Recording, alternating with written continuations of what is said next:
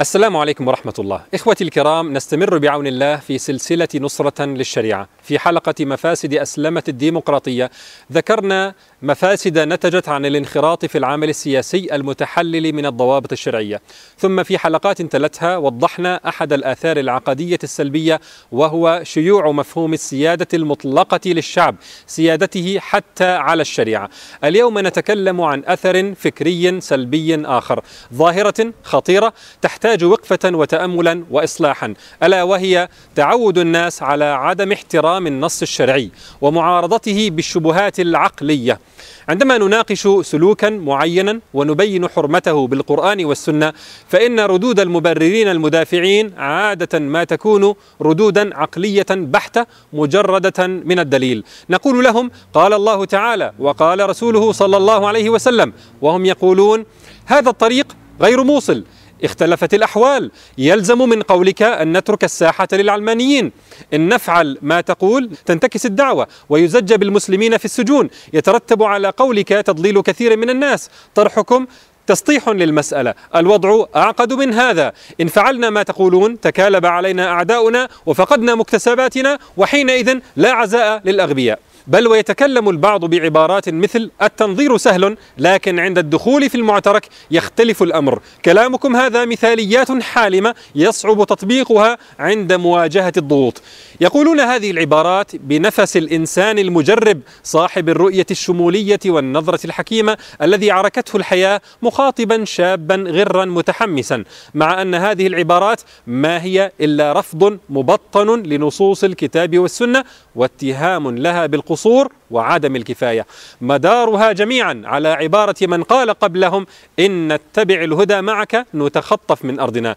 نحن عندما نخاطبهم بقال الله وقال رسوله نحسب أننا حسمنا الأمر وقطعنا السؤال لأننا نخاطب مسلمين. فإذا بنا نفاجأ بأن هذه اللغة لا تعني الكثير بالنسبة لهم ولا تقنعهم بل يردون بقولهم يلزم ويترتب ولكن والواقع والظروف. وأحيانا يخلطون كلامهم بعبارات مجملة لتلطيف حدة رد ردهم لكلام الله ورسوله كقولهم. وقد تنازل النبي في صلح الحديبية الإسلام لا يمكن أن يدعو إلى ما تقول، ما تقوله هو فهمك أنت للآيات، أنتم تتشبثون بنص واحد ولا تنظرون إلى الموضوع بشموليته. طيب نسألهم هاتوا لنا الفهم الصحيح هاتوا لنا النصوص الأخرى. لا جواب إنما هي إطلاقات هلامية واتباع للهوى. نحن عندما نقول الشبهات العقلية إنما نستخدم اصطلاحا تعارف عليه الناس وإلا فهي هوى متبع. أما العقل فهو يقود إلى اتباع النقل وللإذعان لحكم الله تعالى. فنقول هنا إخواني هذه الطريقة فيها رد لحكم الله ورسوله. فالإسلام مبني على التسليم والخضوع التام لأحكام الله تعالى ثقة ويقينا وإيمانا بأنه وعسى أن تكرهوا شيئا وهو خير لكم. وعسى أن تحبوا شيئا وهو شر لكم. والله يعلم وأنتم لا تعلمون. الإسلام مبني على أنك تفعل الشيء مخالفا لهواك وعقلك ثقة ويقينا بعلم الله وحكمته ورحمته.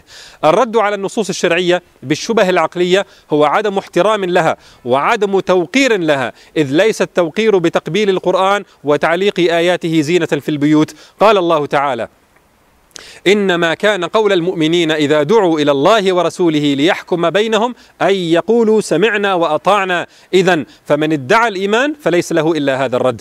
إخواني نهى الله عز وجل المؤمنين عن أن يفعلوا فعلا أو يقضوا امرا قبل إذن رسول الله صلى الله عليه وسلم. فقال يا أيها الذين آمنوا لا تقدموا بين يدي الله ورسوله. فكيف بمن جاءه أمر الله ورسوله فرد عليه بشبهاته العقلية.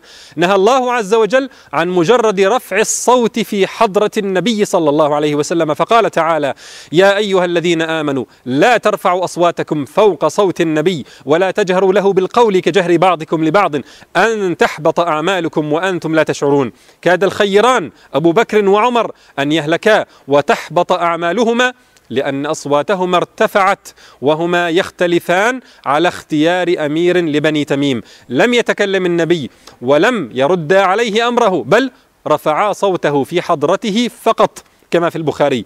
فجاءهما التنبيه أن تحبط أعمالكم وأنتم لا تشعرون. فكيف بمن يقال له قال الله وقال رسوله فيقول ولكن أرى أنه والواقع والتبعات ألا يخشى من يردون بهذه العبارات أن تحبط أعمالهم وهم لا يشعرون. ليست مشكلتنا مع هؤلاء أنهم يردون على الكتاب والسنة بالكتاب والسنة. فلو أنهم قالوا لعل هذه الآية عامة وهناك آية تخصصها أو لعلها مطلقة وهناك آية تقيدها أو لعلها منسوخة أو لعل الحديث غير صحيح أو لعلكم لم تفهموا الآية أو الحديث الفهم الصحيح والفهم الصحيح كذا وكذا أو لعلكم لم تحسنوا تحقيق المناط فأنزلتم الدليل على غير محله. لو كانت الردود من هذا الجنس لهان المصاب ولأمكن التحاور والوصول إلى نتيجة. لكنهم يقولون العمل السياسي يتطلب والمرحلة تقتضي. قال ابن تيمية في مجموع الفتاوى وفي قوله تعالى يجادلون في آيات الله بغير سلطان أتاهم بيان أنه لا يجوز أن يعارض كتاب الله بغير كتاب الله لا بفعل أحد ولا أمره لا دولة ولا سياسة لا دولة ولا سياسة فإنه حال الذين يجادلون في آيات الله بغير سلطان أتاهم. اذا هذه مجادلة في آيات الله تستوجب مقت الله يا عبد الله فاحذر. قال الله تعالى الذين يجادلون في آيات الله بغير سلطان أتاهم كبر مقتا عند الله وعند الذين آمنوا. كل من شم رائحة الإيمان يمقت مثل هذا الرد على كلام الله. قال ابن رجب في جامع العلوم والحكم فأما إن كانت همة السامع مصروفة عند سماع الأمر والنهي إلى فرض أمور قد تقع وقد لا تقع فإن هذا مما يدخل في النهي ويثبط عن الجد في متابعة الأمر. وهؤلاء يقولون إذا استجبنا لما تقولون فسيقع كذا وسنفقد كذا. وقد اشتد نكير صحابة النبي صلى الله عليه وسلم على من يقال له قال رسول الله فيقول ولكن روى البخاري ومسلم أن عمران بن حسين رضي الله عنه قال قال رسول الله صلى الله عليه وسلم الحياء خير كله فقال بشير بن كعب إنا لنجد في بعض الكتب أو الحكمة أن منه سكينة ووقارا لله ومنه ضعف فغضب عمران حتى احمرت عيناه وقال ألا أراني أحدثك عن رسول الله? ألا أراني أحدثك عن رسول الله صلى الله عليه وسلم وتعارض فيه?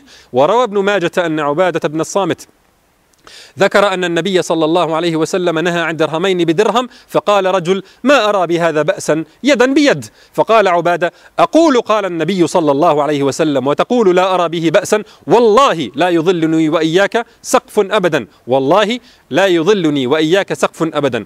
ولاحظوا إخواني أن هذه الردود التي أنكرها الصحابة كانت فلتة تفلت من فم المتكلم لا يظن إلا أنه تاب عنها ولم تكن تمثل منهجا مستمرا مستقرا يردون به على النصوص. ونختم بكلام نفيس لابن القيم رحمه الله في مدارج السالكين إذ قال هل كان في الصحابة من إذا سمع نص رسول الله صلى الله عليه وسلم عارضه بقياسه أو ذوقه أو وجده أو عقله أو سياسته؟ وهل كان قط أحد منهم يقدم على نص رسول الله صلى الله عليه وسلم عقلا أو قياسا أو ذوقا أو سياسة أو تقليد مقلد؟ فلقد أكرم الله أعينهم وصانها أن تنظر إلى وجه من هذا حاله أو يكون في زمانهم. ولقد حكم عمر بن الخطاب رضي الله عنه على من قدم حكمه على نص الرسول بالسيف وقال هذا حكمي فيه. فيا لله ما زال الكلام لابن القيم. فيا لله كيف لو رأى ما رأينا وشاهد ما بلينا به من تقديم رأي كل فلان وفلان على قول المعصوم صلى الله عليه وسلم ومعاداة من اطرح آراءهم وقدم عليها قول المعصوم فالله المستعان وهو الموعد وإليه المرجع. انتهى كلامه رحمه الله. نسأل الله أن يهدي الضالين من المسلمين ويشرح بهذا الكلام صدور من يسمع ويتقبل منا أعمالنا. والسلام عليكم ورحمة الله.